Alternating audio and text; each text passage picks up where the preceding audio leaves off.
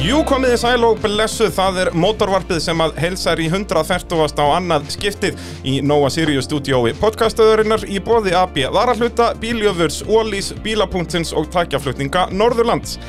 Og eh, já, umfangsefni dagsins í dag verður eh, já, aðalega rally og rally cross því að gestur þáttarins er Guðni Úlfarsdóttir, komdu sæl og blessuð. Takk fyrir, takk sem leiðis, gaman að sjá þig. Já, bara indislegt, við erum að hittast bara í fyrsta skiptið eða ekki? Jú. Ég held það, Jú. sem er náttúrulega fáralett. Já, ég, En- mér finnst það. Já, það er sko, þú ert, ég var náttúrulega mikill aðdáandi á sínum tíma, sko, þegar ég var svona 6-7 ára að horfa á rallycross. Já, Uh, en, en, jú, gott ef ég hef ekki fengið að hitta það þá, en við munum kannski ekkert mjög mikið eftir því.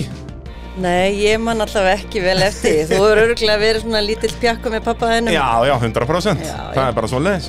Þú náður nú að, jú, þú nærð að keppa við pappa í rallycross eitthvað smá. Já, Ég held það, hann er á okkur kórólu þarna, alveg eins og þinn, eða þú varst aðeins eldri kórólu þarna undir lokin.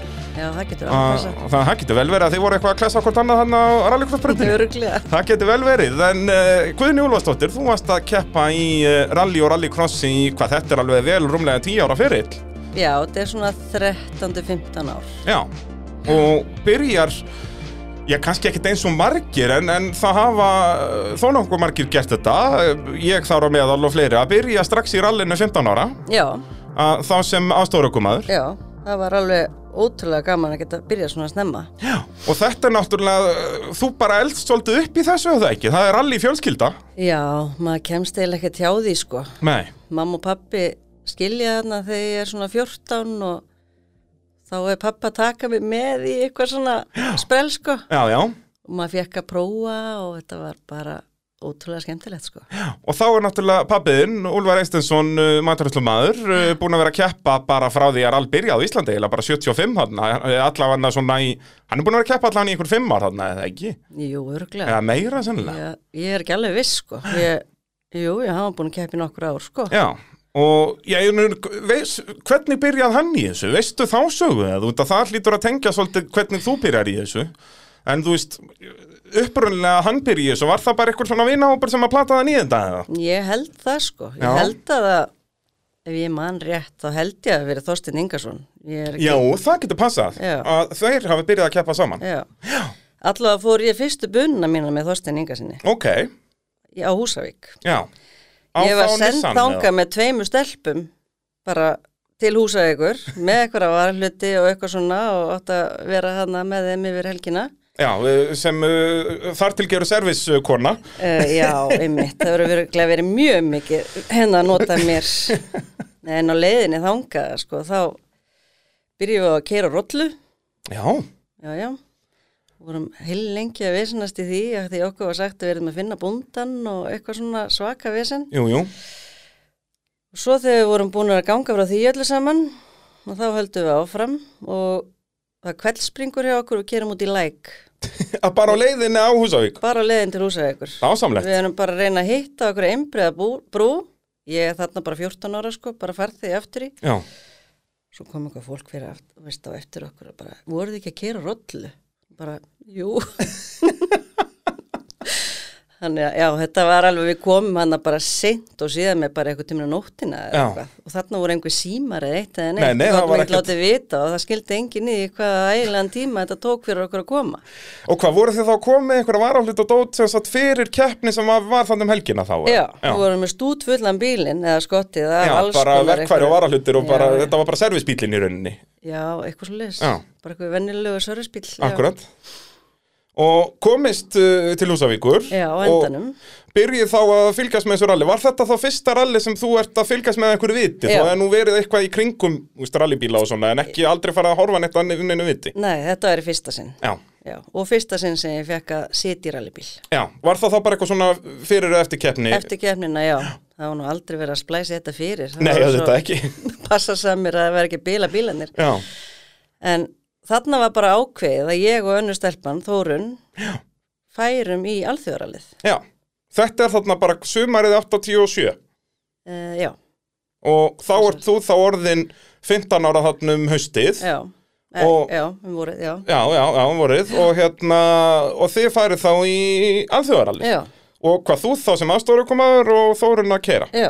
Ok, Og var það bara að græða ykkur bíl fyrir ykkur bara og þeir hendi ralli? þeir áttu eitthvað eins bíl sem var eitthvað svona hálgjur og var að luta bíl og þeir Ok. bara útbyggu hann fyrir okkur og já, það Þú, var þú bara, kvartaðir ekki, en nei, nei, mér finnst þetta bara spennandi það ekki? kunni ekki neitt og Nei. vissi ekki neitt hvað ég var að gera og við bara vorum bara með stórt landabrifakort að reyna að rata og það var bara algjör brandari sko. Já, og hvernig gekk þetta fyrsta rall? Komist þið í mark? já, við komumst í mark og Það er nú bara afrek, Sko- Já. eins og alþjóðarallin voru þarna, þetta voru, þú veist, hundruðir hundruði kilometra já, og bara vel yfir þúsundi yfir heldina, voru Já. þetta ekki, hva, þetta var, þannig er þetta nú komið niður í þrjá daga eða ekki, það var fyrir þetta sem þetta voru ennþá fimm dagar og eitthvað, ég held að þetta sé að þarna komið niður í já, þrjá. ég hugsaði það sér rétt já. En, það en- var önnu kvenna á það var Helga og Lára Já, akkurat, Ómars Lára dóttir Ómars. og kona Ómars og, og það er á Subaru þarna eða ekki, við mann rétt. Jú, ég, mér minni það líka Nei, minnir að ég hef tekið viðtal við Ómar Ragnarsson fyrir framann en Subaru eitthvað tíman. Já, Hann á hann en þá þetta planið, hvað? já Auðvitað Ómar á einn eða tvo bíl, sagði hann til Já, já. Það er, það er svolítið svoleiðis En eh, já, fyrsta keppn 87 Varstu alveg það húkt á þessu bara að fara að keppa meira Eða var þetta meira svona einhvern veginn að þú varst svona plötuð í þetta eh, Meira og meira það má næstu því segja að ég hef verið sett í þetta Já, ok næstu því, þú veist, auðvitað vildi ég fara. En þarna, já, þarna var eiginlega bara ekkert aftur snúið. Nei, En við fórum bara þess að eina keppni saman. Nei, við fórum í eitt svona sprettra líka. Já. Og ég manna ekkert hvernig okkur gekk í því, sko. Örgulega ekkert, þú veist, við erum bara gaman að vera með og svona. já, já En svo var þetta eiginlega voða mikið svona, ég var bara lánuð svona á milli, einhverju vantaði kóara og það bara, ert þú laus? Já, já, ég er laus. Já, við erum búin að keppa áður Þannig að hún svona veist sirka hvernig það virkar og, Já, já, og, og það er, þú veist, eins og Ég bara setti nafnið þitt inn á bara tímarit.is Og þá er mitt poppar upp með alls konar mismanandi aukumönnum þarna þessi fyrstu ár já, að þú keppir hérna náttúrulega með rallypalla Já. Palli Halldóri Halldósinni á, á súbarunum hans, þarna er allavega eina keppni Ég held mér að segja að það hefur verið fyrsta keppnin hans í rallinu. það geti passað Já, ég held það. og, og, og hvernig æxlaðist það, var þá bara orðið á göttunni er já guðinni, hún var alveg örglega til að fara með Já, ég hugsa að þeir hafa bara, það láfið eins og pappi verið umbósmaður minn eða eitthvað, er ekki dóttið í laus? Jú, jú, hún getur farið með. Já, já, ekki máli. Var, þá, var þrýr frakkar þarna þá bara höppið fyrir svona rallykall á Íslandi að koma að tala saman um rally og hvernig verið best að gera þetta? Já, það byrjaði sko Úlfar og Ljón, stað sem pappi var með á Grænsásvegi já, og hérna, já, það byrjaði þar og svo fórum við já, á frakkana og þá voru alltaf að koma einhverja svona gaurar. alltaf komin í að hvað, er Guðni í lausi næsta Já, rally? já, já, Það er alveg svo voru magna. þeir farinir að spyrja mig sjálfur. Já, nú, já, já. Já, já, þetta var bara skemmtilegt. Já, heldur betur og þú keppir hann sem, sagt sem aðstofur okkur maður með hinum og þessum þarna næstu árin Já, og ert það farin að læra eins betur inn á þetta svona, þú veist, eins og þarna þetta er rétt fyrir 90, voru þú veist, eins og þarna, þetta er mikið af nýliðum og svona, voru allir að nota leiðanótur og svona, var þetta meira bara svona eitthvað kort og bara, Ég, ég vissi ekkert hvað leðanótu voru fyrir Já. bara lungu setna sko. Já. eins og í fyrsta rallinu þannig að þegar ég fór með Þórunni þá var ég alltaf hlaupandi til pappa að láta hann reikna út alveg hvernig er að gera þetta og eitthvað Já, svona, ba- já, bara- ok, þetta svona já Nei, þessar nótur komu miklu setna sko. Já, er þetta ekki bara, þeir eru byrjaðar að gera þetta bara, þú veist, feðgarnir og, og þessir e, eru bara fyrst að byrja að vinna með þetta svona í kringum þennan tíma og áskjur og bræi og svona, en síðan var þetta meira mainstream hann já, bara kannski í kringum 95 eitthvað svo leið sem að svona allir byrjaði að nota þetta. Já, Já, en þá líka varst að vera rosalega duglegur að skoða leiðirnar og og bara skrifa niður líka við alla steina sem þú sást, Já, já. Bara svona hættulega steina og svo komst maður ekkit alltaf að skoða Nei, þá var nei. maður að fá lánaða nótur kannski hjá okkurum og maður skildi ekkit í þeim að því að þeir voru kannski með annað system þú veist, maður já var þú svona veist, þá var allir að með sitt fimm er, system eh, þú veist, að fimm er vægbega en ekki kröpp eða Já. nota orð í staðin fyrir tölur eða hvernig sem það er, sko. já, sömi voru með gráður og aðri voru með 1, 2, 3, 4, 5 og alls Akkúrat. konar svona Já, og svo bara, þú veist, eins og feðgarnir voru alltaf bara með væg og kröpp já, það var bara að skrifa þannig, það var enga tölur eða neitt svoleiðis, það var bara vinstri væg í hægri krabba Mhm. þannig að það er eins og segja að fá lána að nota þarna var, gæt verið svolítið mikið, mikið kaos já, já. En það var mjög svona næs af þeim sem að lánuðu nótur. Það Já. var alveg svona, það var ekki hver sem með sem gerði það, sko. nei, nei, nei, nei að það var svona uh, sentilsmannslegt svona, Já. hérna, já, að, að, hérna en lána þá, já, er það þá vantarlega bara ef ykkur var ekki að fara að keppi í keppni að var þetta bara ljósirita Þetta var eða bara eitthvað svoleiðis ljósritað, já, bara ljósritað. bara hérna, gamla góða Já, já. Uh, En síðan byrjar að keppa, nei þú keppir náttúrulega eina keppni, hvað þú byrjar að geta keira það 80 og, s- 89 já, og þá ferði keppinni með pappaðinum. í rallinu, Já, já, það geti passað, já. já, og það endist nú bara þess einu keppni. Já, það var ekki hægt að fara með honum oftar, það var bara, það var algjör disaster, sko. Já, og Eina hann var sem þarna sem aðstofurökum að rátt að vera þarna þér til hals og tröst. Já, já, og ég er nýkom með bílpróf og eina sem hann sagði var Passaði, passaði, passaði, passaði Ekki fara svona nálagt, ekki svona nálagt Passaði, stelpa Það var bara eina sem hann sagði Og svo bara var hann bara að jafna sig þegar við vorum komin í mark og bara rétt náði að reyna að finna eitthvað út úr Já, einhverju bara í og svo spennufalli bara. Já, þetta var alveg Ég bara, já, hvað fara aldrei aftur með honum, sko Nei, en það, við sjáum þess að sögu endurtakna mjög oft í rallinu núna, bara öll hérna, þessi kynnslóð með mér og hérna Baldri Hlöðvers og Gunnari Karl og öllum, þetta er allt ökumenn sem er reyndu einhvern tímann að fara með pappa sínum í keppni Já. og það endist yfirleitt bara eina, eina keppni, sko. þetta er ekki hægt. Nei, þetta var ekki hægt, sko Nei, og en hérna, en já, þú kom með bílpróðan og þá náttúrulega ferðu líka að keppa í rallycrossi Já og þú veist hvernig æxlaðist það? Ég náttúrulega gati ekki beðið eftir á bílpróf Nei, nei, og ég man að þá fekk maður ekkert svona skirtin um leðan maður fekk prófið því þetta ég var Ég- þetta ekki fyrst bara svona pappír... uh, Nei, nei, það var ekki einu sinni þannig þú Nú. ætti bara að býða í nokkra daga eftir að fá hérna bara bleika skirtinnið Já, og vera bara stræt og þanga til já það er svoleiðis, þannig Já, að þú já. fegst það ekki nei, á nei, deginum Nei, nei, Það er agalegt það var hræðilegt og ég náttúrulega leti ekki bjóða með þetta og var bara skýrtinislaus og fór, ég man, ég mætti mömmu, ég var á leiðinni að sækja skýrtinið. Ég bara, ég sé hvert hún ætlaði, sko, ég fekk nefan alveg á mig og bara fara skýrtinislaus niður á lögreglustöð að sækja skýrtinið. Já, já, Og mér fannst þetta alveg fáranlegt að fara í strætó niður á hlem að það er sækja skýrtinið. gengur ekki Nei, mér fannst það bara eitthvað mjög hallarslegt. Já, Sem betur verið búið að breyta þessu. já nú fær maður svona fyrst eitthvað pappír Já. og svo fær maður að loka skirtinni eitthvað eftir einhverja mánuð held ég, Já. ég mann man er ekki Já, nákvæmlega já. En, en komið bílprófið Já. og, og þá getur þú fyrir að keira bæði í rally og rallycrossi Er þetta sérst eins og rallycrossbílinn sem þú verður að keppa og er það aftur ykkur þá svona Subaru? eða? Já, það er Subaru, Subaru fjórhjóladrifin sem ég kefti mér Já, og hérna, bara svona 1800 en samt svona stuttur er það ekki? jú, stuttur, jú.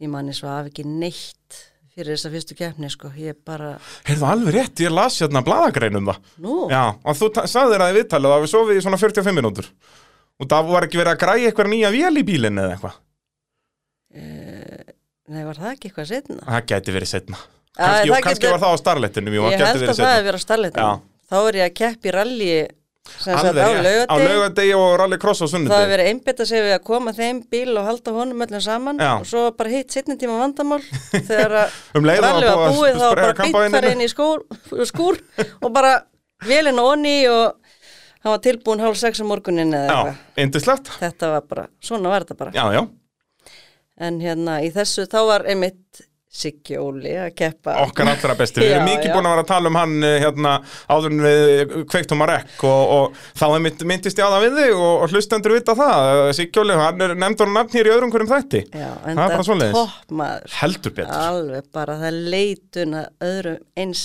öðlingi sko. Já. Það er bara, þeir eru sjálft síðan í svona flotti strákar sko. Það er bara svo leiðis og, og það er þá græjaður þessi Subaru fyrir þessa fyrstu keppni hjá þér mm.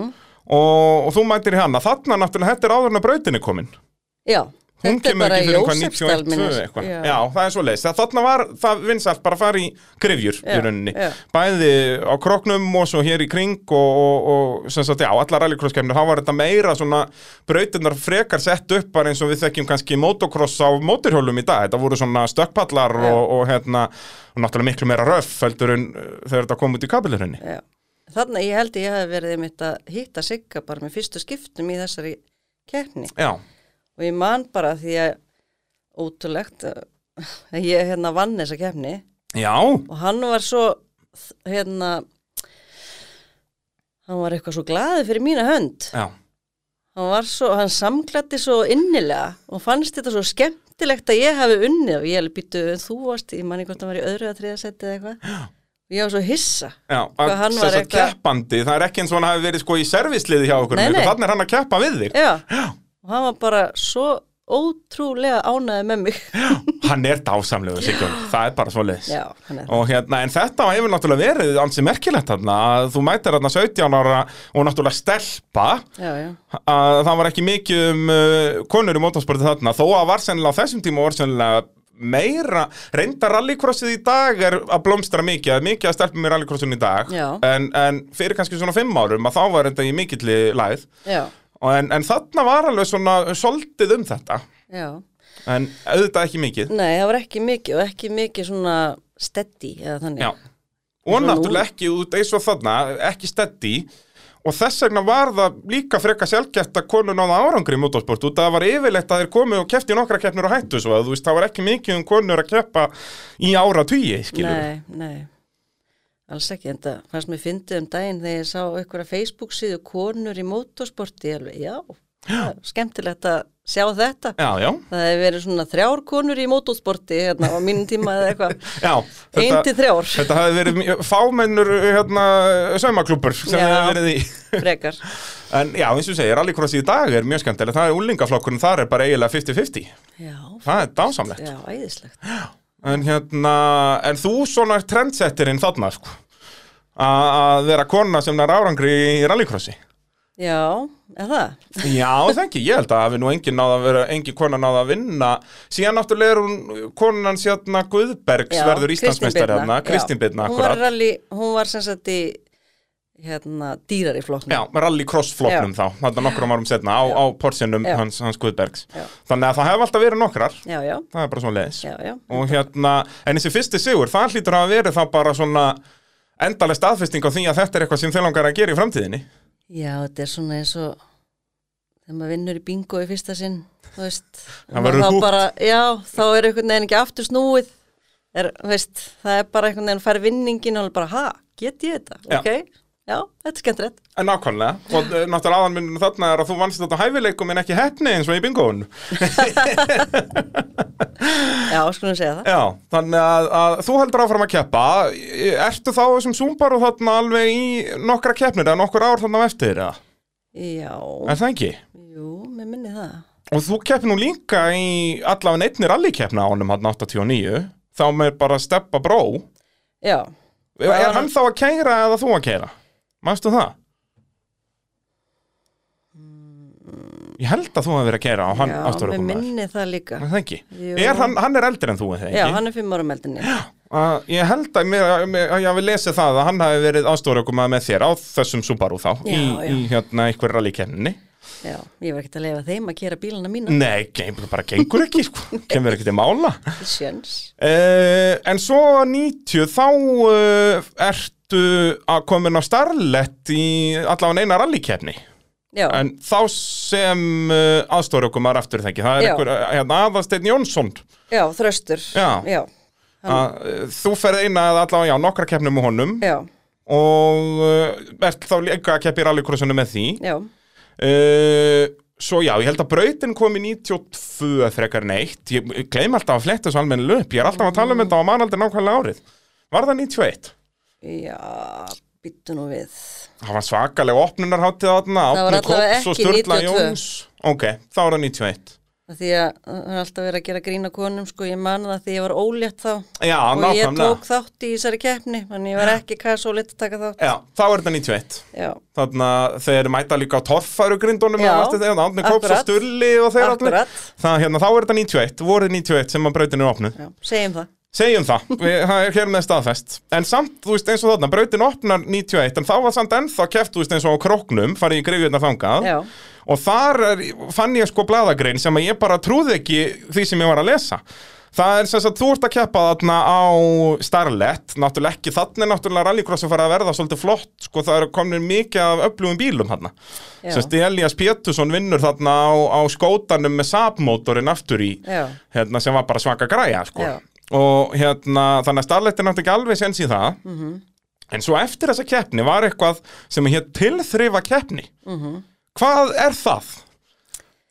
það var hérna, þeir bílar sem voru eftir, sem að hérna voru nótæfir, Já, máttu bara gera bara allt sem þeir vildu bara Og þannig að það var bara, það það var öllum hent út af braut já, það var bara eiginlega þú veist, það skipti engu máli þú ótti bara að reyna að vera eitthvað þú veist, að slæta og Já. eitthvað en mér Þetta var þótti ekki tími eða neitt, þetta Nei, var nei. bara tilþrif Það átti bara að vera að þú veist, reyna að fara upp á tvö hjól Já. eða slæta eða eitthvað að klessa á eitthvað og bara vera með eh, almennan, eh, almenn tilþrif og, og, og dónaskap all- já, og það er eitthvað svona skrítið að maður er einhvern veginn öðruvísi þegar maður er ekki að keppa þú veist, þarna var þetta bara keppnið var búinn og þá bara skipti eiginlega engu máli þú veist, ef eitthvað myndi bila Nei, eða nei. eitthvað og þannig að maður kerði allt öðruvísi Já, þú veist, maður var alltaf svona að passa sig á þessu og passa sig á hinnu og þú veist að alltaf að passa sig að stúti ekki vélinni og allt þetta Já, já. vesen og brjóti ekki einhverjar kúlur og eitthvað drast en hérna, já þá, þetta er einhvern veginn öðruvísi og það síndi sig í þessari tilþrifakeppni þarna því að það bara fór allt í apaskýt þarna skildist mér á þessari blæðangreind að það bara allir bílarnir biluðu eða eðurlöðust eitthvað út af því að það voru allir að Fórna sér. að fórna sér bara og, og, þannig að þetta endar þá að þú og, og önnur kona sem var að keppa þarna Guðinni Axelsdóttir Já.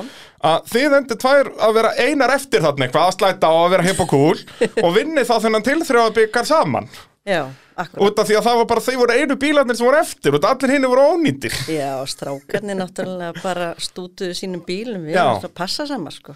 En hva, hvernig voru þeir mannst eitthvað eftir? Hvernig voru, þú veist, voru þeir að klessa hvort annan eða voru þeir að velta bílunum eða þú veist, hvað gerðist hann eiginlega? Ég held sko að þetta voru náttúrulega miklu svona, þetta var allt öðruvísi sko hérna brauteldurinn í krísuvíkinni. Já, bara á stóru grýtt og svona Já, þetta voru bara alls konar svona brekkur og þú veist, þú ert að fara svona upp og niður og alls konar þannig að þú varst að taka meiri sjens að hoppa fram af einhverju brekku og eitthvað svona dót, Já, sko. og það bara brotnar hjólundan Kannski og þetta eitthvað. barð hér og eins og einn misti dekk út í læk, þú veist, það bara brotnaði af og það bara... er eitthvað sem þú segir ekki oft í rallycrossi Nei, og það var bara lengst út í læk og Oliver, hennar vinnu minn, lendi því einmitt. Já. Og hérna... Þú eru að fara út í læk, Já, að já, sækja það er dekkið þetta að fara að lappa bara þannig halvan kilometr og eftir dekkinu. Þannig að þetta var mikið svona, já, eins og þú segir að þetta var hérna út að brautin bauð bara upp á þetta ef þú fórst að keira aðeins yfir 100% að þá var mjög auðvelt aðeins og segir að missa dekk upp í kanti hér eða fara og ratta á eitthvað stökk og brjóta olíupönnu eða hvað það er sko. Já, svo held ég að það hafi líka verið að því að þetta var söðakróki Já, og það var sko engin lúksus á mér, ég var dregin. dregin á krókin Já, ég var sko engin kerra sko. það er í dag nennar menn ekki einu sinna að vera dregnir bara úr sko hérna vallarkverfinu í Hafnafyrði út á rallycrossbraut Ég sko. veit að þetta var líka leðilega sem ég gerði en samt sem áður að þá hérna, get sagt frá því núna sko, maður var nú yfirleitt með fake spotta sko. já Þannig ef það að er- lögga myndi stoppa mann, þá segir að Þá hann var var að hann slitna spottin nýslitinn, sko, akkurat, já. akkurat, gamla góða triksið já, en þú ert alltaf að vera rassinum á þeim sem var með þér sko. og hann með danglandi spotta fyrir aftan Akkurat. Svona kerði maður bílinn á söðakrók og það er örglega eina ástæðanum fyrir því að ég hérna, ekki tekið svona geðveika sjens eins og strákanir að því að við hefum þá bara verið hann í marga klukkutíma að reyna að gera því bílinn bara til að koma honum heim. Já, þannig að þið hefði ekki getað bara hrúa drastlun upp á kerru Nei. að hann þurfti allavega að standa í hjólinn sko, þú veist, ok, ef að vélin hefði farið þá hefur bara dreigið hann í alvörunni Mhm. en það gengur ekki ef all vélir ef, ef dekk myndu verið í mismannandi áttir undir bílnum, sko Einmitt.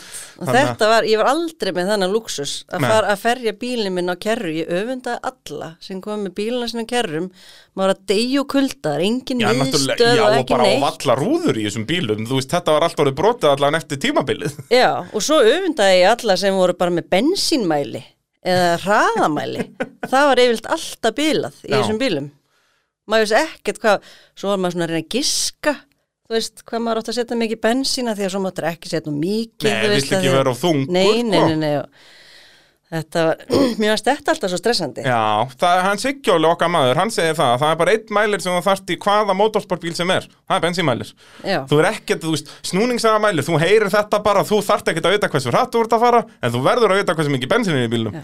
En yfirleitt voru þeir bílaðir í mínum bílum. þetta er svona þegar það er búið að vera að fylla við rafkerfi hérna hinga og þangað og sjóði þetta veltubúr og eitthvað, þá er klift á víra sem á ekki að klippa. Já. Það er svolítið svo leiðis. síðan, sem sagt, þú tekur þessum að pásu um motorsportun hann eins og þú segir, eh, eignast batn og fer að gera og græja þarna næstu árin. Já, Uh, en svo náttúrulega verður þú bara heimsfræg þarna 94-95. heimsfræði. já, já, já, heimsfræg á Íslandi allavega. Ég var allavega mjög hissa hvað hann var síndur lengi þessi þáttur Já. og í mörgum löndum Sko, þarna erum við að tala um Motorworld með Jeremy Clarkson. Já. Þetta er sem sagt á milli, þarna er hann nýhættur í gamla Top Gear og nýja Top Gear, sem sagt þetta Top Gear sem við þekkjum í dag, að það byrjaði hann bara í, um, í kringum aldamótin. Mm. Þannig að þarna er Jeremy Clarkson að gera bara alls konar svona þætti fyrir BBC, Já. eh? bara svona, þetta er svipa konsept á Top Gear, nema hér þarna, já, Motorworld, þar Já. sem hann fór til einhverja, hvað, 8 eða 10 mismunandi landa Já, í Japan og út um alladrísur að sína sem sagt mismunandi bílakúltúran í þessum löndum skilur, í Japan snýrist þetta allt um tæknina í Bandaríkjunum var þetta, þú veist, hvað allt er stórt og allt svona og svo já, hann komið til Íslands og þá snýrist þetta mest um motorsportið Já. þú veist, hann fer hann með gíslagi í torfærubrekku og, og, en svo þurftu nú að finna eitthvað til að fara með honum í rally Já, og þar kemur þóttisögunar já Hvernig æxlaðist þetta að sem sagt, frá hverjum færðu símtal og þú veist, já, bara svona aðdrandina þessu? Ég held að það hafi verið Óli Guðmund sem að benti á mig að ég, Já, hann var yfirleitt milli Já, tengiliðurinn hann já. og setna síðan þegar að þú veist Hammond fer aftur eins og með gísla að fljóta yfir klefavatn og allt þetta þetta er, mér minnir að þetta sé alltaf Óli Guðmunds já, sem er með einhverja tengingu þarna til BBC sko. já. Þeir náttúrulega bara samasagan, kom að borða af rökkunum og spjalla við mig og eitthvað svona hvert sér til í þetta og ég, alveg, já, já, ég er bara á engan bíl núna. Já. Þannig að og bara og allir, þeir þá, sest, það eru þá Óli Guðmunds og þeir kallar allir eða er, já, er, Óli Guðmunds og Andi Vilmann kom inn á undan, hérna hennar pródúsirinn. Já, já, er Andi Vilman byrjar að vinna með honum þarna Já, Hann náttúrulega orðin bara svolítið frægur núna út að hann er ennþá með þeim í hann að Grand Tour dæminu öllu Sest, Þeir eru ennþá að vinna saman í sjónvarpi hann og Clarkson og Andi Vilman nú er það. Það er Ok. bara að þú horfir á Grand Tour sem er sérst þá nýja Top Gear eftir að að Clarkson kildi pródúserinn á, á- á BBC og fór yfir eh, til Amazon Já, en uh, þá er Andy Willman ennþá aðal pródúserinn þar sko já, já. þannig að það er, eh, þú er hitt þann meistara þarna á frákonum Já, ég kynntist hana þar. Já. Og svo var ég í mjög góðu sambandi við það bara mörg ár eftir þess að Já, þætti, ok, sko. geggja flutti til England þannig í smá stund og hitti á nokksunni þar og já, það Þetta var, þarna náttúrulega er Jeremy Clarkson ekki orðin svona heimsfrægur eins og Nei. hann en þarna er hann sérst bara þekktur í Breitlandi náttúrulega, er búin að vera með þætti á BBC heilingi, Mhm. en ekki þú veist heimsfræðin kemur hann bara 2005, 6, 7, 8, 9, 10 eitthvað svo leiðis þarna þegar Top Gear byrjar að vera svona svakalega já, vinsælt sko. já, Þannig að þarna er hann ennþá uh, svona tiltölulega humble. já. já, það var mjög skemmtilegur sko. Já, það ekki, hann hefur náttúrulega mikill Íslandsvinnur, ég minna hann kom Guð minn oft góður, bara já. að horfa á torfærukeppnir hérna bara með sinni sínum eitthvað bara að vesenast. Þeir bara elsku Ísland þeim fannst hvergi skemmtilega að vera heldur en hér og sérstaklega eins og þeir sögðu svo oft, þú veist það er aldrei neitt vesinn, þegar við komum til Íslands þá er öllu rétt, rétt bara rettað á korteri Já, alveg sama hvað það er. Já, eins og þegar að, þeir voru að segja mér, þú veist, þeir voru einmitt í Ameríku og Japan og svona það öttur að sækjum leifi sko hálft ár eða ár áður ef við ætlar að fá að loka ykkur um leiðum og alls konar hérna bara, nei, nei Siggi frændi græjar þetta. ég, við, ég man að við, þegar vorum að taka upp hana við Gunnarsvaldið eða þar þá komum við við svona til málamynda á löggustöðin að segja að við verðum að fara að taka hann upp Já, bara svona sem vinagreiði, svona, Já. "Hæ, við ætlum að fara að vesa næsta aðeins svona. Já, viljið þið eitthvað, þú veist, nei, eru þið ekki nógu mörg lokið ekki bara leiðinni sjálf Já, nákvæmlega. Jú, jú, svo gerum við það bara og vorum hann að, þú veist, taka upp Já. Og hvað var og þetta þeir alveg heill elskuðu dagur þarna? þetta, það er aldrei neitt vesir við bara komum við alveg bara, já, ekkert mál þið gerir þetta bara já. það var ekkert svona eitthvað að sækjum Nei, nei, þetta er bara draumur fyrir alla framleiðendur. alveg bara, og þeim fannst já, eins og ég segi, eins og með þetta ég átti ekki bíl, Já. þá var bara ringt í Stengri Mingason já, já, já, ekki vandamáli Og þá er þetta sess, skotin sem eru tekið hann þarna fyrir utan, það er stengurumur að keira. já, Og en síðan takið upp sess, að þú að keira nissaninn með Jeremy hliðina þér. já Uh, og þetta er allt, var þetta hvað, bara einn dagur hann upp á Gunnarsvaldi í tökum, eða voru þetta nokkuð dagur þarna? Nei, nei, þetta var bara einn dagur já. Nei, þetta var, sko málið var að ég átti náttúrulega að gera þetta allt saman en Steini var hanna með okkur og hann brindi það svo rosalega fyrir mér, ég mætti sko þú mátt velta bílnum þú mátt eðilegja allt bótið og allt sem þú vilt en ekki stúta vélni og ég er bara, já, ok um, alls ekki setja hún yfirsnúning og alls ekki þetta og alls ekki hitt og, og ég var bara hálf hrætt, þú veist Já. bara að taka stað, sko ég var svo hrettum að eðilega bílinn Já, já, þess að stegðar út af því að það er einhvern veginn meiri, að þú veist, það er óþægilega pressa heldur en að meir ekki fara út af, skilur, út af það Já. er bara annað okkur, þá ferðu bara hægari beigurnar og svona, en þetta veri eitthvað, og þú náttúrulega hafði aldrei keirt bílinn áður og eitthvað svona, að þurfa að passa sér svakalega á þessu. Einmitt. Það hefur ekki verið þægilegt.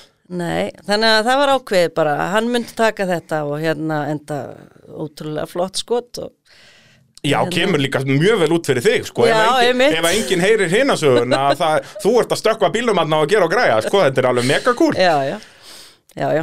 En það er allt, það er allt hérna alvöru sem er tekið inn í sko. Já, já, já, já, já, og þú varst alveg, þú Það varst var nú ekkert ekkert svona dóla með þér grín spínað við neitt. þarna. Nei, nei, nei, nei, nei, nei, nei. Nei, nei, það var alveg, já, já, það var mjög fyndið. Og Skemmtilegt. þetta, það lítur að vera gaman að eiga þennan, þennan þáttarn alltaf að geta sýnt að heyrðu, ég var hérna með Jeremy Clarkson.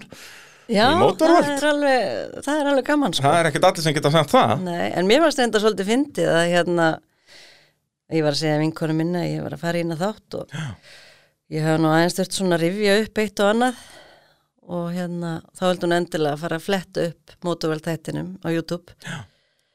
Heyrðu, það var ekki hægt að skoða hann í þessu landi. Nú, Nei, það er bara, agant. það er ekki hægt að skoða hann á Íslandi. Núna kemur eitthvað svona no longer available in your country. Þannig Ah, Ég, að- ég get, já, hann á flakkar, ég Já, get ég, sendir hann bara. nei, ég á hann líka. Nú, já, já. En hún var bara, hún fór beint í þetta, hún var eitthvað svona spennt fyrir að kíkja á þetta. Já, það er agalegt. Þá geta hlustendur ekki farið að horfa á hann á þátt. Ég, ég nefnilega mann eftir hann alltaf á YouTube bara. Já, kannski verið bara að fara til útlanda og... Það er ekki að já, verða að byrja að fara til Byrjalland svo Já. þá getur horta á hann þar á YouTube. Það, það er bara svo En ég man að hann var nefnilega ekki sindur hérna á Íslandi. Nei, Rú vildi ég kaupa hann eða eitthvað. Og ég Mér var... minnir að Byggi hafi sínt eitthvað brot úr honum bara í motorsportþætti eða eitthvað svoleiðis. En þátturinn sjálfur var ekki sínt, þess að serían sem sagt var ekki, ekki sínt, enda náttúrulega kostar það svolítið að kaupa heila seríu af BBC. Já, en ég sagði, hérna, Andi Vilman var svo his- hissa. Já. Bara, akkur síni ekki þáttinn? Ég Nákvæmlega. sagði, neða, þið þeim vil ekki borga. Þið þurfa ekkert að borga, síni hann bara. Já, Og ég alveg, ha? Nei, við erum ekki að borga. Nei, nei, nei, það er engin að spá þetta. Þið eru á Íslandi, bara síni þetta. Já. En það var aldrei síndur. nei. En þá einmitt gætið verið að það, þegar við ferði í kringum þetta þannig með að Byggi sínt eitthvað brot úr honum eða eitthvað ef ég mann rétt. Mm, Já, en, getur en verið. hérna, samt skrýta, ríkisútvarpið tala ekki við breska ríkisútvarpið og kaupi bara seríun af þeim. Já. Sérstaklega eins og bara hvernig motorsportafhugin var á Íslanda á þessum tíma, þá hafði allir bara haft gaman að þessari serju, sko. Já, enda var þetta skemmtilegu þáttur. Já, Það mjög voru- skemmtilegur að, og bara Jeremy Clarkson er náttúrulega einstakur í þessu Já, já, að bara snilt og allt sem hann gerir, þú veist, hann fer þarna á snjósleða með ábygglega Guðbergi Guðbergi, já. Já, að keiri við vatna snjósleða og svo með, í Svo fer Þorfarna með Benna- Gísla, já, Benna í Eppaferð já og hérna í bílum og Benna Upp á hérna jökul. Já, akkurat, þetta er bara mjög skemmtilega þáttur í alla Já, staði. mjög svo. Og hérna, ég elskaði alltaf hvernig hann útskýr út að þetta var svo rétt, hefur kannski breyst eitthvað aðeins núna, en hvernig bílamenningir á Íslandi, sko, þetta það er enginn á Lamborghinium eða Ferrarium hérna, til að sína, sko, ríkidæmiði, Já. þá, það snýst bara um hversu stór dekkjur undir jeppanuðinu. Já, einmitt. Ég man Bara, eftir því. if you're rich, you have a big jeep Já. If you're very rich, you have a very big jeep Já, akkurat, akkurat. Þetta var alveg satt. Já, bara ef þú ert hérna á 44 tómi ekolenna þá ert þú, það er eins og að vera á Porsche, skilur Já. allstaðar annars staðar, Já. við erum svo skrítin að við hérna verðum bara að setja stærri dekkun drjapan okkar Já, já. til að keira fram og tilbaka löga því Nákvæmlega.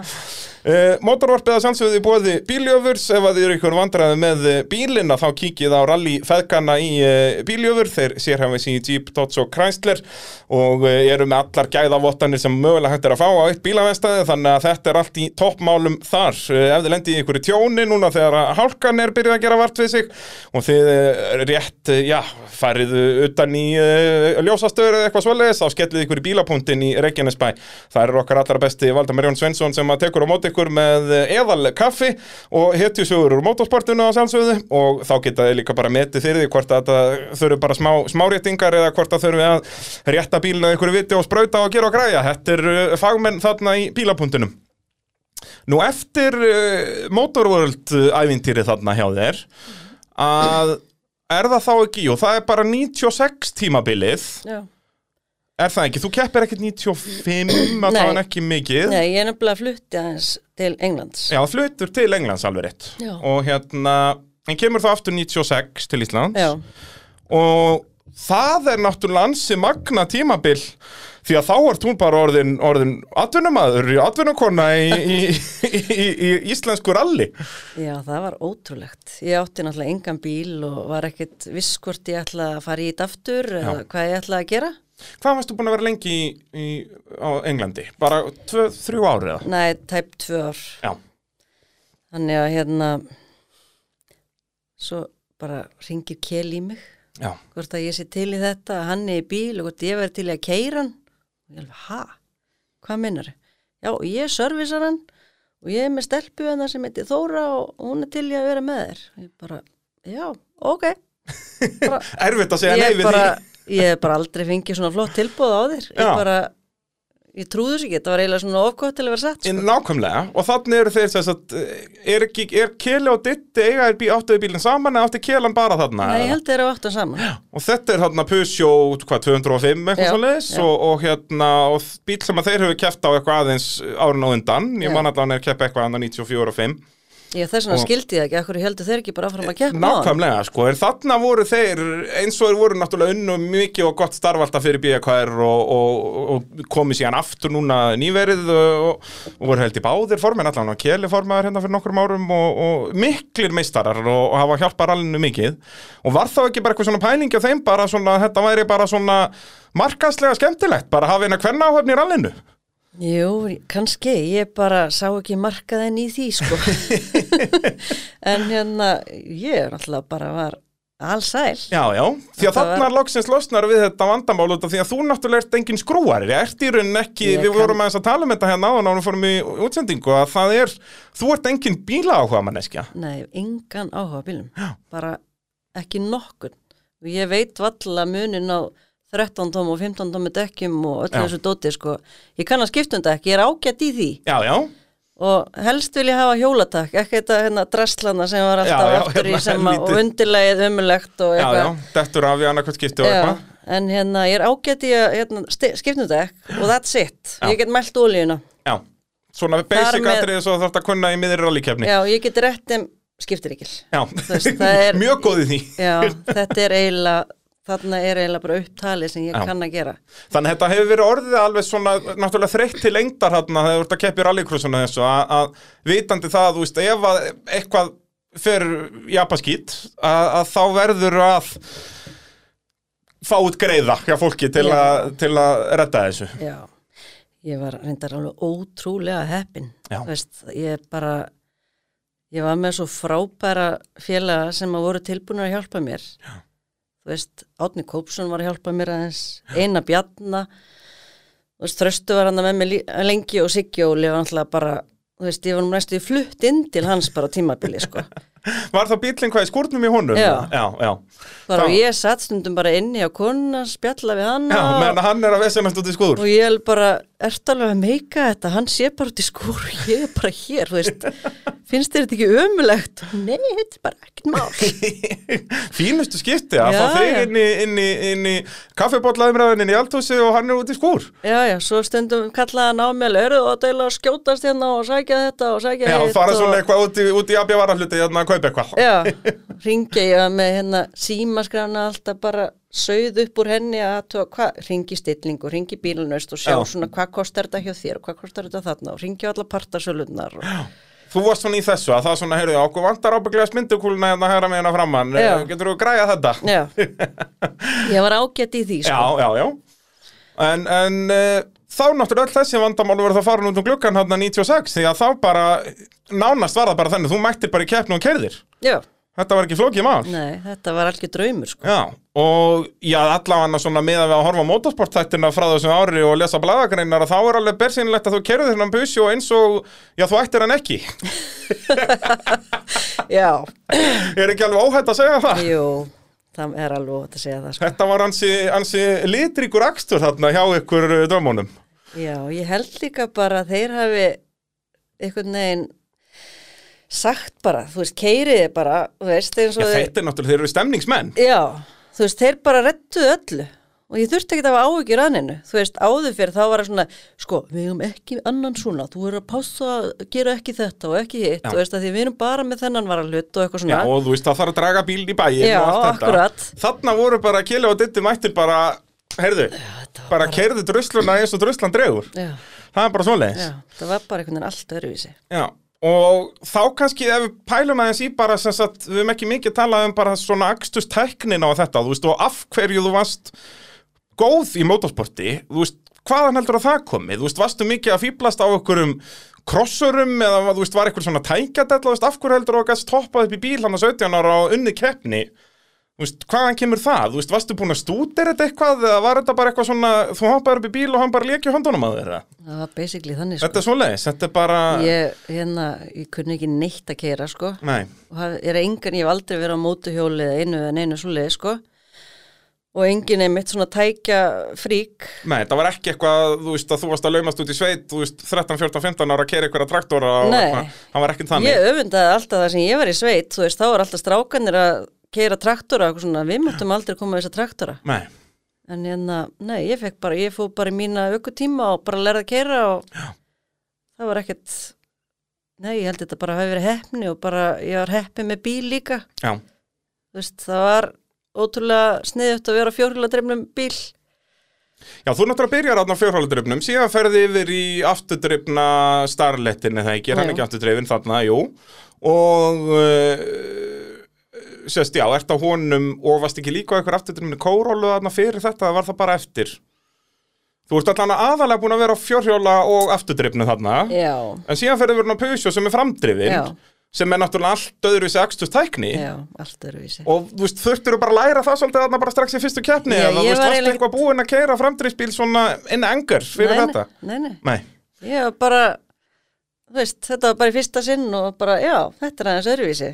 já, þetta er raunin bara allt öðruvísi í Já, rauninni, þú og veist, svo var þarna- þetta bara þannig að það voru bara, þessir félaga mínu voru alltaf, heyrðu, þú ert að gera svona og gera hins en bara segja mig til Já. og þetta er eiginlega basically þannig, þú veist. Já, þú ert bara svona svampur Ég bara á það í rauninni Tók bara. ágætlega leiðsögn svona, Já. þegar var verið að útskýra fyrir mig hvernig ég ætti að gera hlutina og svona, en ég, ég, ég var aldrei eitthvað góð í rally, ég var, þú veist, ég stóð mig betur í rallycrossinu, sko. Já, já, þú veist, árangurinn kom allir í rallycrossinu, svona þannig séð, en þú varst samt aldrei, ég myndi ekki segja að það hafi verið lélegir rally, en, en vissulega, jú, þú varst ekki að vinna rallykefnir. Ég var oftast að keppa um fyrsta, annað eða þriða sæti neðanfrá sko. Já, Svo, En en ég- það var samt yfirleitt þá ef þú tafðist eitthvað, skilur Já. og það, eins og ég segi, það er kannski þú varst kannski bara eins og grimm fyrir rallið sko, þess að grimmur ökum að það kom yfirleitt alltaf eitthvað upp á Já, og svo er það líka bara einhvern veginn rallið og rallycrossið er svo tvent ólíkt sko. Já. Þegar þú ert í rallycrossinu og sérðu alltaf hvar þú stendur. Já, Í ralliðinu þá veist ekkert hvað Þú þú veist- þarft að gefa í og hvað þú ert mörgum sekundum eða mínútum og eftir eða hvað. Þess, það er bara einhvern veginn, ég var svolítið leðilegt þegar næsti fann að ná þér. já en það er skemmtilegt líka að tapa ógislega mínútu. gaman að ná næsta og undan er, veist, það er alls konar svona en já, maður sér einhvern veginn betur hvað maður stendur þegar maður er í rallycrossinu Já. er meira svona með puttan á púlsinum einhvern veginn maður þarf Já, alltaf að það vera að reikna út og eitthvað svona í rallinu og spurja hvaða tíma voru þessi með og eitthvað svona Já, ég mitt bara til að átta sig og síðan þú veist, Já. ferðin á 40 km leið og, og, og maður sér það bara það á mismunandi rallykumunum í dag að sumir eru mjög góðir í að átta sig nákvæmlega á hversu hratt þeir eru að keira þú veist, ef þeir eru með fórskot þá þurfa þeir bara að keira svona hratt og eitthvað svona þú veist, ég persónulega fannst mér vera mjög lélugur í þessu ég, mér leið alltaf bara eins og ég þurfti að keira eins hratt og mögulega hættir þú veist, varst, það var það svipið á þér þú veist, varstu, hafði aldrei góða tilfinningu fyrir því hvort þú varst að keira hægt eða hratt ekki nógu góða Já, en ég hafa svona misjátt það var svona, nei, mér fannst ég ekki vera með nógu góða tilfinningu fyrir því En þá er það náttúrulega líka bara reynsluleysi, ég meina þú keftir náttúrulega ekki í það mörgum, sem þú keftir eins og 96 tíumbil, er það ekki fyrsta og eina heila rallytíumbil sem þú tekur? Jú, Og þá þú varst alltaf að keppa bara svona einn og einn í já, keppni. já A- Og þá Ég náði aldrei eitthvað að vera byggameistari sem kóar eða eitthvað því ég var alltaf að fara á milli Já. manna. Nákvæmlega. Það var einhvern veginn svona, kannski kefti ég ekki í þessari keppni eða eitthvað svona, Og alltaf eitthvað á mismunandi bílum Já. og, og svona, þannig að þú gast aldrei eins og þarna, það hlýtur nú að vera þægilegt eins og þarna í þriðju fjörðu keppni tíumbilsins að vera búin að vera á sama bílnum og þú slóksins þekkja bílinn vel og allt þetta, að það, þetta hefur farið að smetla svolítið hjá okkur þarna, eða ekki? já, jú, jú, það var mjög skemmtilegt sko. Já.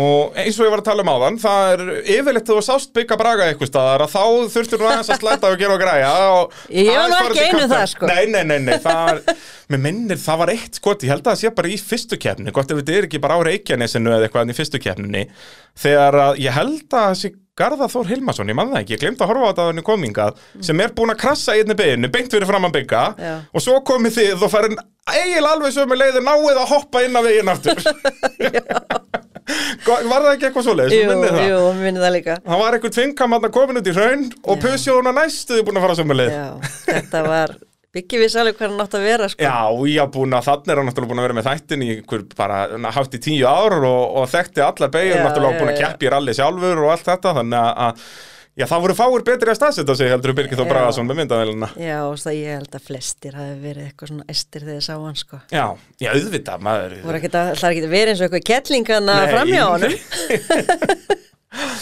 En hérna Já, þið, þú keppir hann með Þóru Blöndal Já. Mhm. uh, á þessum Pusjó og þið í rauninu voruð engar vinkonur fyrir þetta þið þekktust ekkert Þekktust fyrir ekki neitt. þetta var bara, Keli og Ditti bara búin að makka þetta saman eitthvað bara, Já, já. Við Við erum erum bara komin að hérna- þekka hérna- stelpu sem heiti Þóra og hérna, hún væri til í að vera með mér ég alveg, já, flott Geggjað Já. uh, Svo erum við bara mjög góða vinkonur eftir það Já, er það ekki, náttúrulega heilt eh, rallytímabil að að- saman í bíl á öllum stundum að það er ekki annað hægt en að- að að myndist þannig að vinnabönd Já, já, það er bara svoleiðis mm.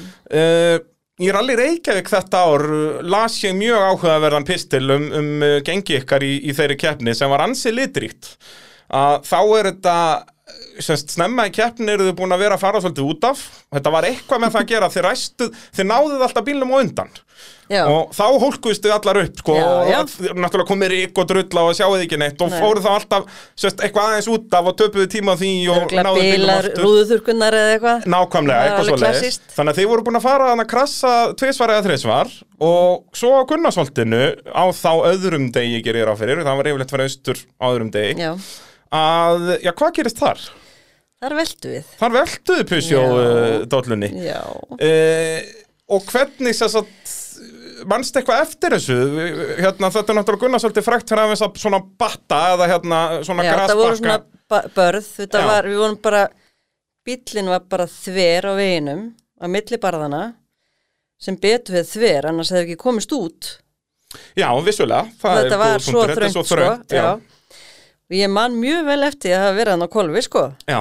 og ég, Og þið sérst endið á kvolfi á veginum já, Þver á veginum já, Þannig að farið þá vantalega hvað, einn og hálfan ring Eða hálfan ring, eitthvað svo leiðis annarkort ég man það ekki Annarkvort þetta er, Miða, Hvað þið náðuð að halda áfram Þannig að kannski var þetta bara hálfur það var náttúrulega ótrúlegt að hérna það var greinilega en eftirfararnir eða einhverju verið að horfa en engin að horfa á hann á þessum börðum hann er ekkert spennandi að horfa á það sko svo sem ekki ég hugsa að það hafi verið eftirfararnir eða einhverju svona sem að því að svo kom allt þjónustulið alltaf eftir Já, já, eða þú hafi veist, komið yfirleitt alveg svona strolla þegar að og þ- okkur var bara hjálpað Þið, á- þið sérst að komist út úr bílnum sjálfar við komumst út og, það, okkur, við bara veltum bílum við Já. með öllum þessum gaurum sem voru að hjálpa okkur og náðum að halda áfram við töpum bara 20 mínútum á þessu já, Haldið áfram, eftirfærin er það fyrir aftan ykkur Þannig að þið er ekki úr leik ótrúlegt, já.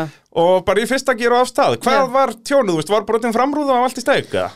Manstu Nei, það? ég held að það hafi ekki einu svona verið það sko já, Þannig að þetta var bara svona, hann var beiglaður allan hringin og allir sattur bara það þurfti bara eitthvað að kíkja undir hann og eitthvað, það Já. var ekkert allavega merkilegt sko Nei, þú veist öll dekk á sínum stað Já. svona sirkabátt og hérum eina sem skipti máli Og þið komið í mark, Já. hérna, hvar er endamarki þarna? Er það fyrir utan alþingi þarna eða er það upp í perlu?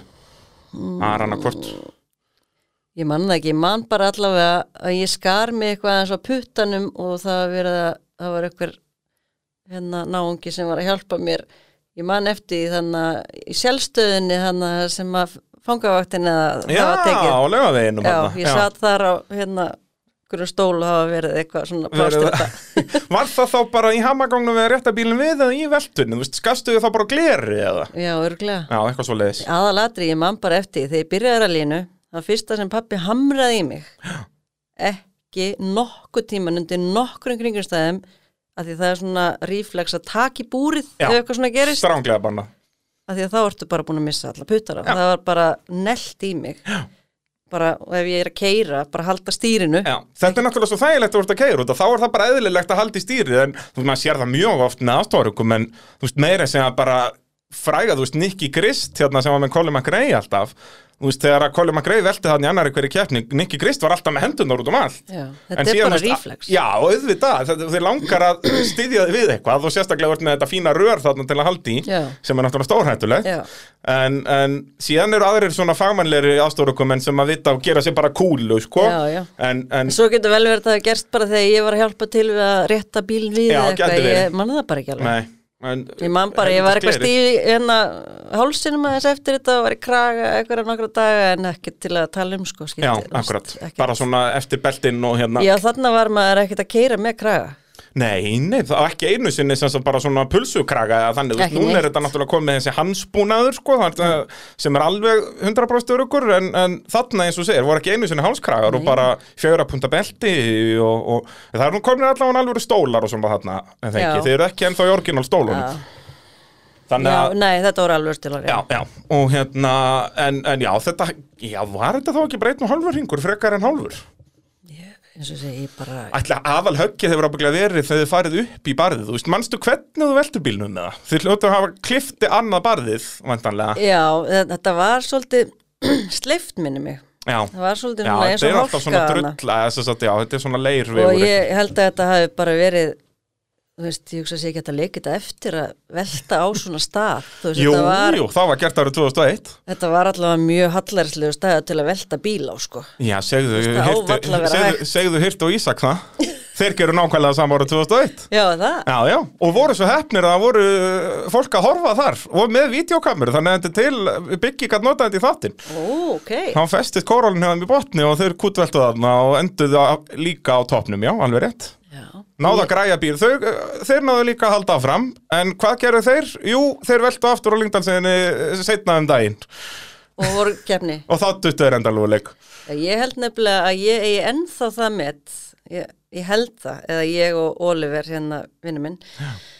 Þegar við vorum að keppa á hérna Reykjanesinu einu sinni, þá veltu við tvísusinnum, lendum bæði skiptin á hjólunum, sikkur, veist, sikkur sjæliðin og náðum að halda áfram. Í setna skiptir enda voru við fast, föst upp á okkur steini En náðu að ítónum af eða Heyrðu, með hjálpa með eftirfara. Pappi og Guðmundur voru á eftir og auðvitað fyrir hann að hérna, hjálpa litlu prinsessinu sinni Auðvitað. stoppa bara bílinn og lift, hjálpa okkur að lifta bílnum að og við höldum áfram, þeir leipa okkur á undan þannig að við eigum sem sagt, eh, ég veit ekki hvort það sé búið að bre- að hérna, brjóta þetta Ég met, held ekki, sko. að við sem sagt veltum tvísvar, lendum bæðaskiptan á hjólunum og vorum ekki í síðasta sæti kláruðum Ekki í síðasta sæti og kláruðu keppnina. Já, pappi náttúrulega tók á sér fyrsta sæti neðan frá, þannig að já, utan hleyfti ykkur á undan. Já, Já, ég held að ég geti staðfest þetta. Þetta hefur ekki gæst í... Er þetta þarna bara 90 eða 89 eða eitthvað þegar þú ert þá aðstórugum? já þetta er, að- já, átt, býtum við, ég, þetta er 90. 90, á hvaða bíl er, ertu þarna? Manstu það? Nei, hann hann Oliver átti þennan bíl, Og hvað var Eh. þetta, einhver uh, Nissan eða einhver djöfellin? uh, ég manna það ekki. Nei, alveg. enda við vorum að tala um það, þú ert ekki bílamanneskja Þetta var, Nei. þetta var fjóri dekkundur honum og þau voru svört Nákvæmlega. Ártöl og bílar og eitthvað svona, Eða þetta er hansi magna og var þetta þá, já, þetta hefur Reykjanesarall Þetta var þá sennilega fyrsta rall tíumbilsins eitthvað svo leiðis Og þið velti tvisvar já, Mhm. og náðu að klára ekki síðastasendi mm -hmm. Ég, já, ég ætla, það er langt best til að koma stað hvort að svona stað, staðrindir eru réttar eða ekki ef að ég bara fullir það hér með að þetta er staðrind og þá fæ ég alltaf ykkur komið, nei, já, frendi minn gerði einu sinni þannig Já. að þá- það er besta leiðin til að koma að staði hvort Já, að þetta er rétt eða ekki já, spennandi. Þannig að frá og með þessu augnabliki er þetta staðrind Já. þangar til annar kemur í ljós já, skulum hafa það þannig. höfum það svoleiðis Já. uh, Mótorvarpið að sálsögðu bóði AB varahluta ef að ykkur vantar eitthvað eh, fyrir bílinn að þá skellir ykkur í AB varahluti mæli sérstaklega með rafgemunum hjá þeim núna þegar að kuldin er komin ef þið lendu í vesinu með að bílinn startar ekki á mótnana að þá eh, kaupið ykkur betri rafgemi GS rafgemi í AB varahlutum Nú, eftir þetta 96 tímabil sem þið ke keppið allt tímabilið á þessum Peugeot Mhm. að eh, þá náttúrulega sest, ákveða að keppa ekkert meira á honum náttúrulega eins og eigið ekki bílinn og allt þetta Já, uh, er það svo ekki undir lok tímabilsins 97 nei ekki einu sinni undir lok heldur bara í fyrstu keppnin 97 þá er Ólafur Ingi Ólafsson eh, að að gera gott mót í rallycrossinu á eh, Kórólu sem að er ekki Simmi sem smíðaði hann á Jú. sínum tíma okkar maður, Sigmundur Guðnason já, og hérna mjög góð Corolla sem var búið að gera gott móti í rallycrossinu í mörg ár Já, og Ólafur Ingi kominn á hana þarna og þarna er reglan í krónuflokki að allir bílar eru til sölu eftir keppni á 80.000 krónur já, og þá varst þú ekkert að flækja málið þarna og þú mættir bara á þessar alíkvarskeppni mm -hmm. keiftir bílinn sem að vann já, og mættir í keppni nummer 2 á honum já, og það var Ólafur Ingi Ólafs- Ólafsson sem var svo áheppinn að missa bílinn sinn já, já. því hann aðsnaðist til að vinna já. En var þetta sérst áðurinn að keppnin byrjaði, varstu búin að ákveða að kaupa þannan bíl eða var þetta bara þannig að þú horfið bara á keppnin og heyrðu þessi Corolla er helvíti sæl Ég var alveg búin að ákveða að kaupa þennan Já. bíl. Það var bara engin vafi. Þetta var bara augljóslega besti bílinn. Já, En það bara elskaði þennan bíl. Já og Simmi visst alveg hvað hann var að gera þegar Já, smíðan á sinni ég- tíma náttúrulega mikill svona pælari og svona það var Þetta búið að pæla í öllum smáandriðum en á bíl Já, og svo er þetta líka bara, þú veist, það fréttist allt. Já, þú já. veist alveg bara, já, þetta er bílinn og, þú veist, og auðvitað maður, þú veist, og svona heyrðu, sperrti það- eyrun og, ég segi það, það er búið að hérna setja svona hetta á hann og, og þannig að það er bara þetta er besti bílinn hann já, Mhm. Eh, Þannig að þú kaupir hann og ferð þá í rauninni strax bara í toppslægin í þessum krónuflokki í rallycrossinu, andan 97 já, og, en það var náttúrulega yfirleitt svoleiðis að ef að þú varst ekki fyrst sem Mhm. að gera stundum, en yfirleitt komst þú náttúrulega bara fyrst út úr æsingun náður að halda haus og enda þér í fyrsta sendi uh, Mhm. en það var einhvern veginn alltaf þannig ef að þú komst ekki fyrst út úr æsingu að þá var eitthvað sem að klesta á þig og þú snerist eða eitthvað svoleiðis já, ég varð eiginlega að hérna einbytta mig sérstaklega að startinu og reyna að vera fyrst, af því að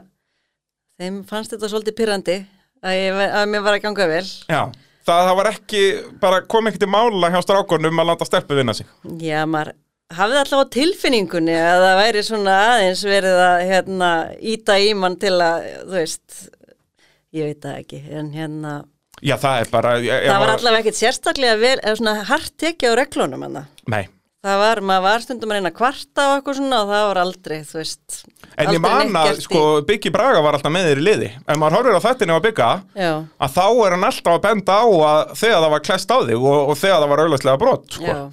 að, og, og ég allavega, þú veist, ég náttúrulega fylgdist með kjarnanóna sem krakki en hef síðan séð þetta alltaf ég, ég þátt honum að bygga síðan að, að ég er alveg sammála því að það var verið að já, klessa á þig það er bara svo leiðis þess vegna var svo mikilvægt að vera fyrstur, já, að bara aðalatrið, að vera með gott start já og bara stinga þá strax af. Nákvæmlega, og það er bara eins og það var að koma út núna heimildamind sem var nú að vinna bara hérna Emmy-velunin Já. eh, sem sagt international Emmy-velunin, ekki amerísku eh, sem sagt heimildamind um hana Michelle Mouton Já, Mhm. sem að flestir hlustendur kannast nú við mm var, hún var einum gírkassa frá því að vera heimsumstæri í rally árið 80 og hvað var það, þrjú eitthvað svo leiðis, Já.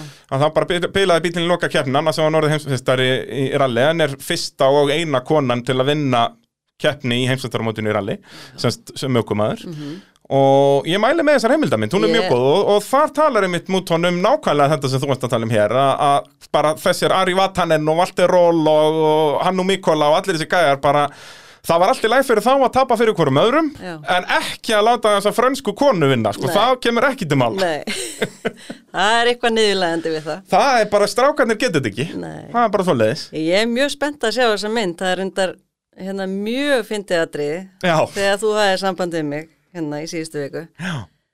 Þá á sama tíma að þá satt maðurinn minn fastur inn í liftu í New York. Eins, eins og gerist Já, já, hún var svona 20 mínútur eða eitthvað. Já. Og með ykkur manni sem var hann bara með honum og þeir fara að spjalla. Og hérna sá sæðist vera að koma af emmi velunna hátíðinni með stytu og það fengið velun. Og maður minn alveg, já, fyrir hvað fyrstu velun? Að ég var að gera heimildamynd um konur í rally. Og alveg, já, kona mín var í rally í 15 ár. Já, það er, Þannig að- það er, hann hefur sennilega ekki lent oft í þessu þessi emmi veluna hafið þarna að fara að tala um konur í motorsporti og maðurinn kemur hörði, já, einmitt, kona mín var hann í 15 ári í rally Nei, mér skilst ekki. þetta var svolítið fyndið, þetta Já. var akkurat á sama og tíma líka. nákvæmlega sama tíma, sko, Já. það er bara geggjað Já, þetta var mjög fyndið. Það er bara svo leiðis uh, Síðan 98 þá heldur áfram á, á kórólunni í, í rallycrossinu og Mhm. verður þar þá byggar meistari sem er, er það ekki þinn eini sem þess að titill í Jú. motorsporti Jú. Þú veist, þú varst oft kannski í þriðasetti og öðru fyrstasetti í keppnum já, já, eitthvað rallycrossdrottning og eitthvað svona Já, veist, og vera hérna á að búa til tilþrifa eitthvað velun smá, og eitthvað já, svona já. dót En þetta var eini sem sagt titillin Já. Þá er þetta þetta semst fræga tveggja daga mót sem var alltaf eftir tímabilið Já, og, og þar vinnur þá alla hérna uh, Hilma Braga Þráinsson og, og, og hvað er hétt allir sem voru að keppa þarna við þig já, að, að, út af því að þú náðir ekki þú náttúrulega keppir ekki allar keppnar í Íslandsmótun út að þú mistir náttúrulega fyrstu keppninni þannig að þú áttir ekki Akkurat. raunhafa möguleika á titlunum þar já, en t- nær þessum byggarmeistaratitli sem Já. er það bara sönnun á því sem við vorum að tala um áðan að, að þú varst nú yfirleitt fremst já. það er, það er bara svoleiðis Maður reyndi það. Já, það, er- það er uh, nákvæmlega svoleiðis en síðan líka þarna 98 þá er uh, hann uh, fadir minn búin að selja möstuna sína til uh, Fjölnis Þorgessonar Já, og þá náttúrulega gekk ekkert annað fyrir uh, okkar allra besta fjölni en að fá Guðnýju sem kóara eða þannig mm. mm, já, nákvæmlega. Hvað er þetta? Farið þið alveg nokkra keppnir eða var þetta bara ein og ein eða? Þetta var Var allavega þetta- ekki heilt tímabil. Nei, Fjölnir alltaf, var, hann er alltaf ótrúlega hæfileikar ykkur. já Drengur, sko. og bara dásamlega manneskja Já, algjörlega, skemmtilegur. Já. Það er einhvern veginn alveg sama hvað hann fyrir í. Hann bara einhvern veginn kemur sér alltaf á toppin. Já, bara, það er ekkert margi sem að bara verið að rölda miðbæinn og fara að lendi því að, að bjarga hestum upp úr tjötn og eitthvað, sko. Nei, nákvæmlega. Þetta er bara, hann, líf hans er bara einhver, einhver, einhver ofurhjötti comic book, sko, Mhm. þetta er rosalegt. Já. Ég held ég að fara með honum samt nokkrar, sko. Já, en það ekki. Jú, hérna... Hvað er þetta? Hann er, uh, nei, þú keppir ekki á Hólmavíku með honum, held ég. Þá Jú, var, jú. þú fer með hann á Hólmavíku, ok. við, við vorum, að- við ultum þar sko Já, akkurat. þá hringdi hann strax í Oliver og segja ég er líka búin að velta með henni þeir voru svo góði vinni, þeir eru svo góði vinni þannig að hérna það var reyndar rosalegt sko þegar að, en fyrst þegar hann fyrst þegar hann tók þátt þá hérna var hann í þriðið eða fjórasetti Já. sem var ótrúlegt Já, já. fyrir mann sem var að byrja fyrsta skipta að kera já. Og ánáttúrulega þessari möstu út af því að þetta er ekki, sem sagt, gamla feðgamastan, Þú veist, þessi bíl var ekki jafnvel útbúin og til dæmis, ég held að Steinipalli hafi verið á gömlu feðgamastunni þarna og það var bílinn með alveg girkassanum og 300 hestöfl og eitthvað, þessi var svona, þú veist, 250 hestöfl og e- bara með venjulegan girkassa í rauninni, ekki Já. þetta hérna dogbox, sem sagt, þannig að þú veist, hann var ekki jafnvel útbúin, sko, þannig í rauninni átt að vera ómögulegt að vinna þá hérna Subaruun og Metroun og þessa á þessum bíl, sko. Já. En samt er hann þarna eins og þú segir, bara í þriðja, fjórða seti strax. Já. Svo í setni kefni, fórum í aðra kefni Já. það var alveg agalegt dæmi sem að við lendum í áður en við fórum að keppa daginn áður að þá var hann að koma í vinnuna til mín, hann á frakana og tekin fyrir ofraðan akstur og njarðagötu Indislegt, hvað sem hann er var bara á 30 60 gata km hraða á 30 götu Já, misti teini á staðnum það er svoleiðis Já, hann var reyndar alveg lagður í einelti á tímabili af hérna Að bara löggunni, Já, já. Já. það voru svolítið mikið eldan sko já, indislegt og það var bara rosalegt, þú veist við þurftum að hafa svo mikið fyrir því að reyna að fá þessu allavega ok, getur hann þá mist teina á mánudaginn eða Já, eitthvað, þú já. veist, leif honum að keppa og það var bara, þeir ætluðu ekki að gefa sig Það er svoleiðis en mér minnir reyndar að ykkur neginn rettaðist það eins og allt rettast Jú, jú, en þetta var svolítið gróft samt svona já, missa teina á staðinu fyrir 60 æ, manni fannst þetta freka pyrrandi sko já að eins og segja, og rífa á honum skirtinni en ekki Já. bara, hérna, þú veist einhver ö,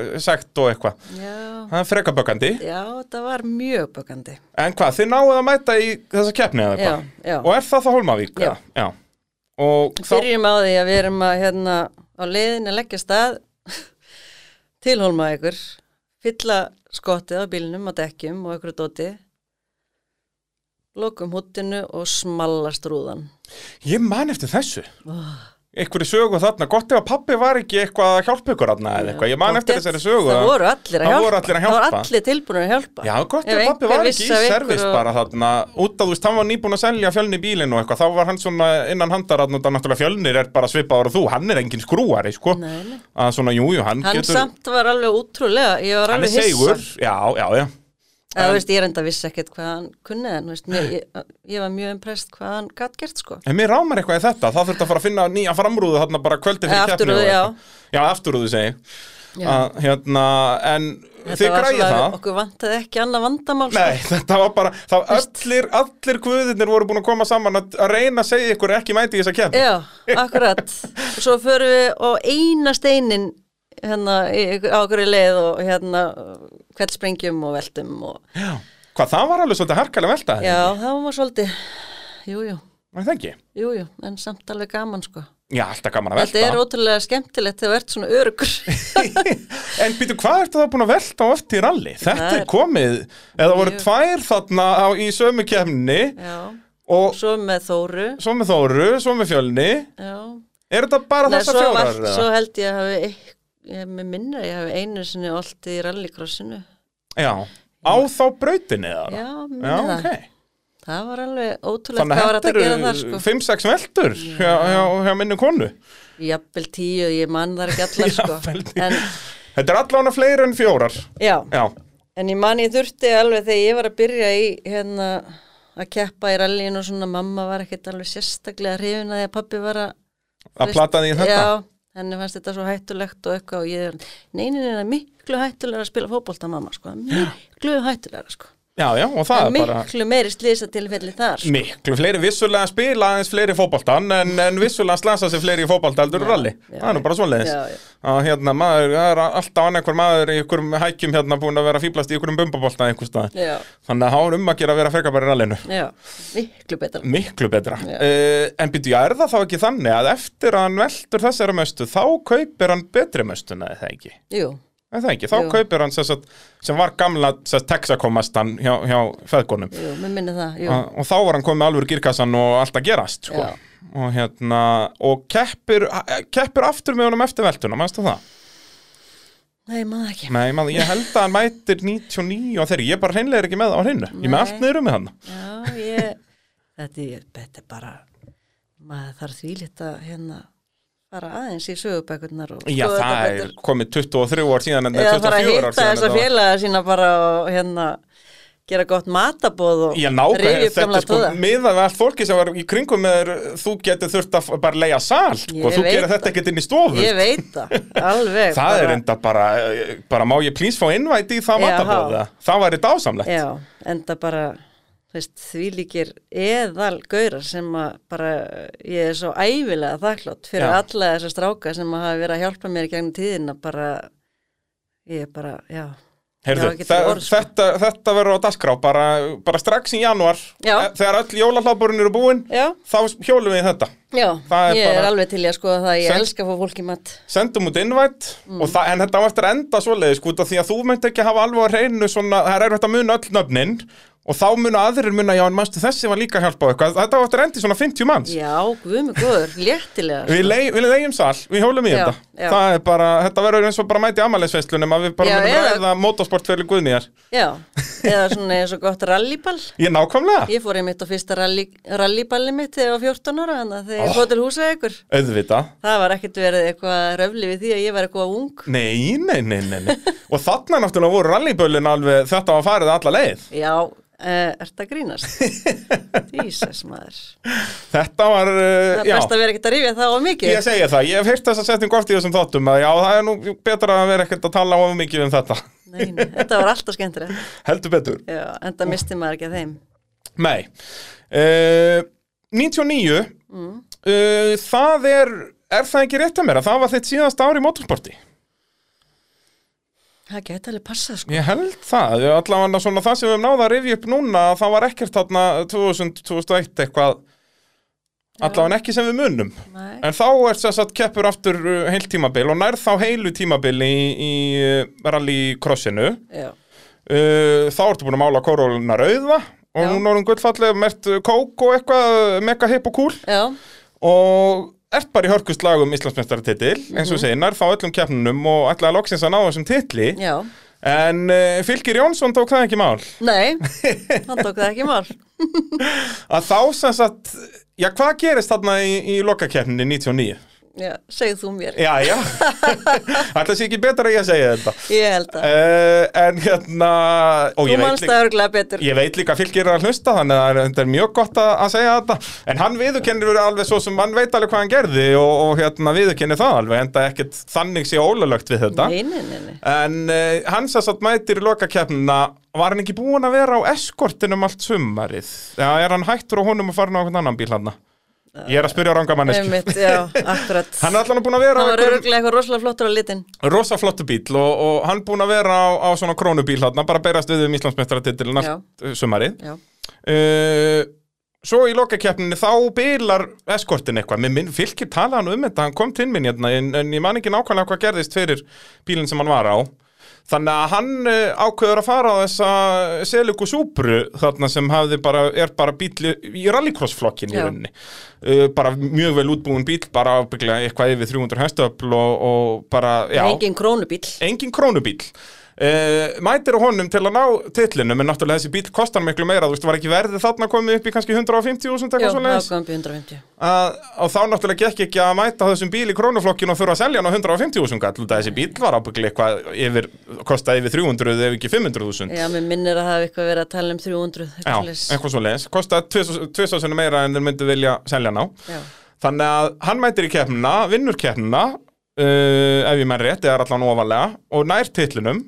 Og svo verða þess niður, sko, að þeir eru búin að finna loophole þarna í reglunum, sem að náttúrulega motorsport snýst um. Það er allir í formúlinu og allir, þetta snýst allt um bara að lesa reglurnar eins mikið og hægt er og, og kunna loophole-in. Já, Þannig að þeir mættu þarna allir vinahópurinn, Kitty og Himmi og allir þessi kallar með 150.000 kall í, í, í, Já, já. í umslægi og Já. bara ömmur og afar og frængur og frændur bara fá sem allir flesta mættir. þarna bara, Allir mættir. Ef þið getið tekið út 150.000 kall í seðlum, gerið þið það, mætið þið með hann í, í, í hérna, umslægi og leggið fram biti í bílinn sérst, að, að, í, í uppbóðið. Mm. Og þeir gera þetta, þannig að það kom ykkur tíu umslög eða eitthvað og svo náttúrulega var alveg einhver, þú veist, ætluðu þið að kaupa bílinn af honum eða þú veist, það ætlaði einhver legit, að- þú veist, legit að kaupa bílinn út að hann, náttúrulega 150.000 kall fyrir hennar keppnisbíl var ekki neitt.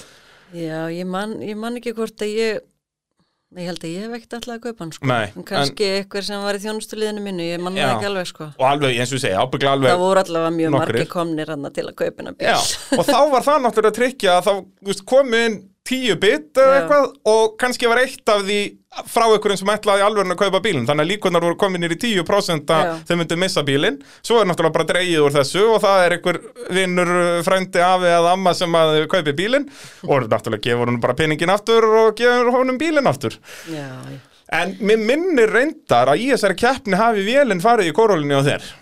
Þannig að sko þó að fylgir hafði ekki gert þetta, það hafður ekki átt möguleika á tillinum. Getur það passað? ég minnir ekki sko, Nei, ég ókei. er samt ekki 100%. Nei, Siggi man það potið. já, alveg hundra. Ég þarf náttúrulega, eins og ég segi reglulega hérna, ég þarf að fara að fá hann í spjall. Oh my god, það, Það er, en verður það skemmtilegt. verður líka, sko, ég myndi fara í inn í eldhús til hans Já. með bara græjuna með mér, Já. það verður vel áskiða þar af, af eh, pípureik Já.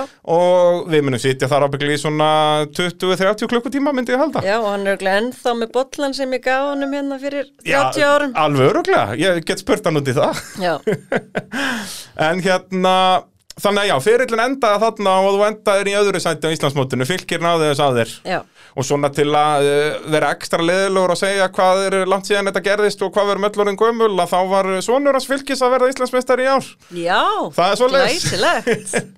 Þannig Já, að, frábært. og meira að segja sko, já, hann var Íslandsmeistar í úlingaflokknum og var síðan byggarmeistari, fór upp um flokk sko, þetta hann er núna að vera 17, Já. hann Jóhann Ingi, þannig að, að þetta er allt sömu kynnslóðirnar sko, Æðislegt. þeir eru allir mættir hann, allir sem hann varst að keppa við sko, himmi og kitti var þeir allir, þeir eru ennþá allir upp á braut, en núna bara með dæturnar og sinnina sko. Já, akkurat. Þannig að það, það er um Þjónusta. að gera, já, Já. já, já, já, já, það er, þetta er alltaf sama fólkið, bara mismunandi kynnslóðir. Já, akkurat. En hérna, já, er þetta þá ekki svona nokkurn veginn komið hjá okkur að, Ég- að eins og ég segja, þarna þú enda fyrir 99 mm. Eh, en þá náttúrulega alltaf þegar ég er að fæ svona, svona kempur í spjall að hvenar kemur kompakið eða verður það bara matabóðið Uh, ég hugsa það, ég þá held sko, verður að koma mæti hérna keppni sko. ég er nú svo oft einmitt verið spurða þessari spurningu. Já. Ég hef alltaf sagt, þetta er svolítið svona eins og þegar maður, eða fólk er að reyna að halda sér frá áfengi eða eitthvað svona. Já, þú þetta er veist, þú þarft svolítið stórhættulegt. Að halda þér frá þessu fólki, af því að ég var einu svona mitt í ammali hjá sig kóla. Já. Og þá var alveg, hvernig ætlið þú að koma? Og Já. allir, við erum með bíl fyrir þig og eitthvað svona og ég var alveg bara svona að kikna alveg í njánum, alveg bara, já, já, já, já, nei, nei. Þannig að hérna, Sko, já. ég get sagt þér eh, út af eins og þú segir, um leið og náttúrulega kemst aftur inn í félagskap, þá myndur hríðfalla, sko, þess vegna hefur bara náða að halda þér frá þessu, Já. þetta er eins og áfengið, þetta er stórhættulegt, Já. og, og, en síðan sko hættulegt hvað þetta var út af, ég veit að fyrir vist að keli á bíl, Ó nei, þannig að sem er ekki í nótkun, hann sest á gömlu rally súkuna, þú manst eftir henni, Já. hérna, sem var bara frægur bíl, og þeir sem sagt gerðu hann alveg upp, núna er hún bara spikk en span einhvers staðar inn í skúr, bara í mint condition. já nú og hann bara að drífa sig og kera og Já, eina, hann er keftin, hérna, fór á einhverjum villis og hælúks og eitthvað núna nýlega, sko, fyrir einhverjum fimm árum eitthvað svona leið, sko. já. Kelly og Diddy, þannig að það, þeir komu kompakk, við býðum bara eftir þínu. En Það er nú samt alltaf fyndið eins og þegar maður horfir á þess að þætti þá er alltaf, þú veist, ef fólk var komið í 50-tali, já, já, koma gömlukallanir Komu gömul það voru kallandi. gömlukallanir, reyka lestina gömlukallanir Þannig að núna, sko, þegar að þú mynd keppa í rally á næsta ári, kemur með kompakk og ég mynd gera þátt um það, þá verði ég að segja á hér, kemur gamla konan. Já, þú verður að gera það Heyrðu, það var dásanlega að fá þig í spjall, Gunni, og, og virkilega Takk fyrir að gaman bara bjóða að, að hérna, hitta þig eftir að hafa heyrt svo mikið um þig en aldrei hitt þig. Já, sumi leiðis að hérna Kominn bara tími til. indislegt að eiga þennan feril núna bara á,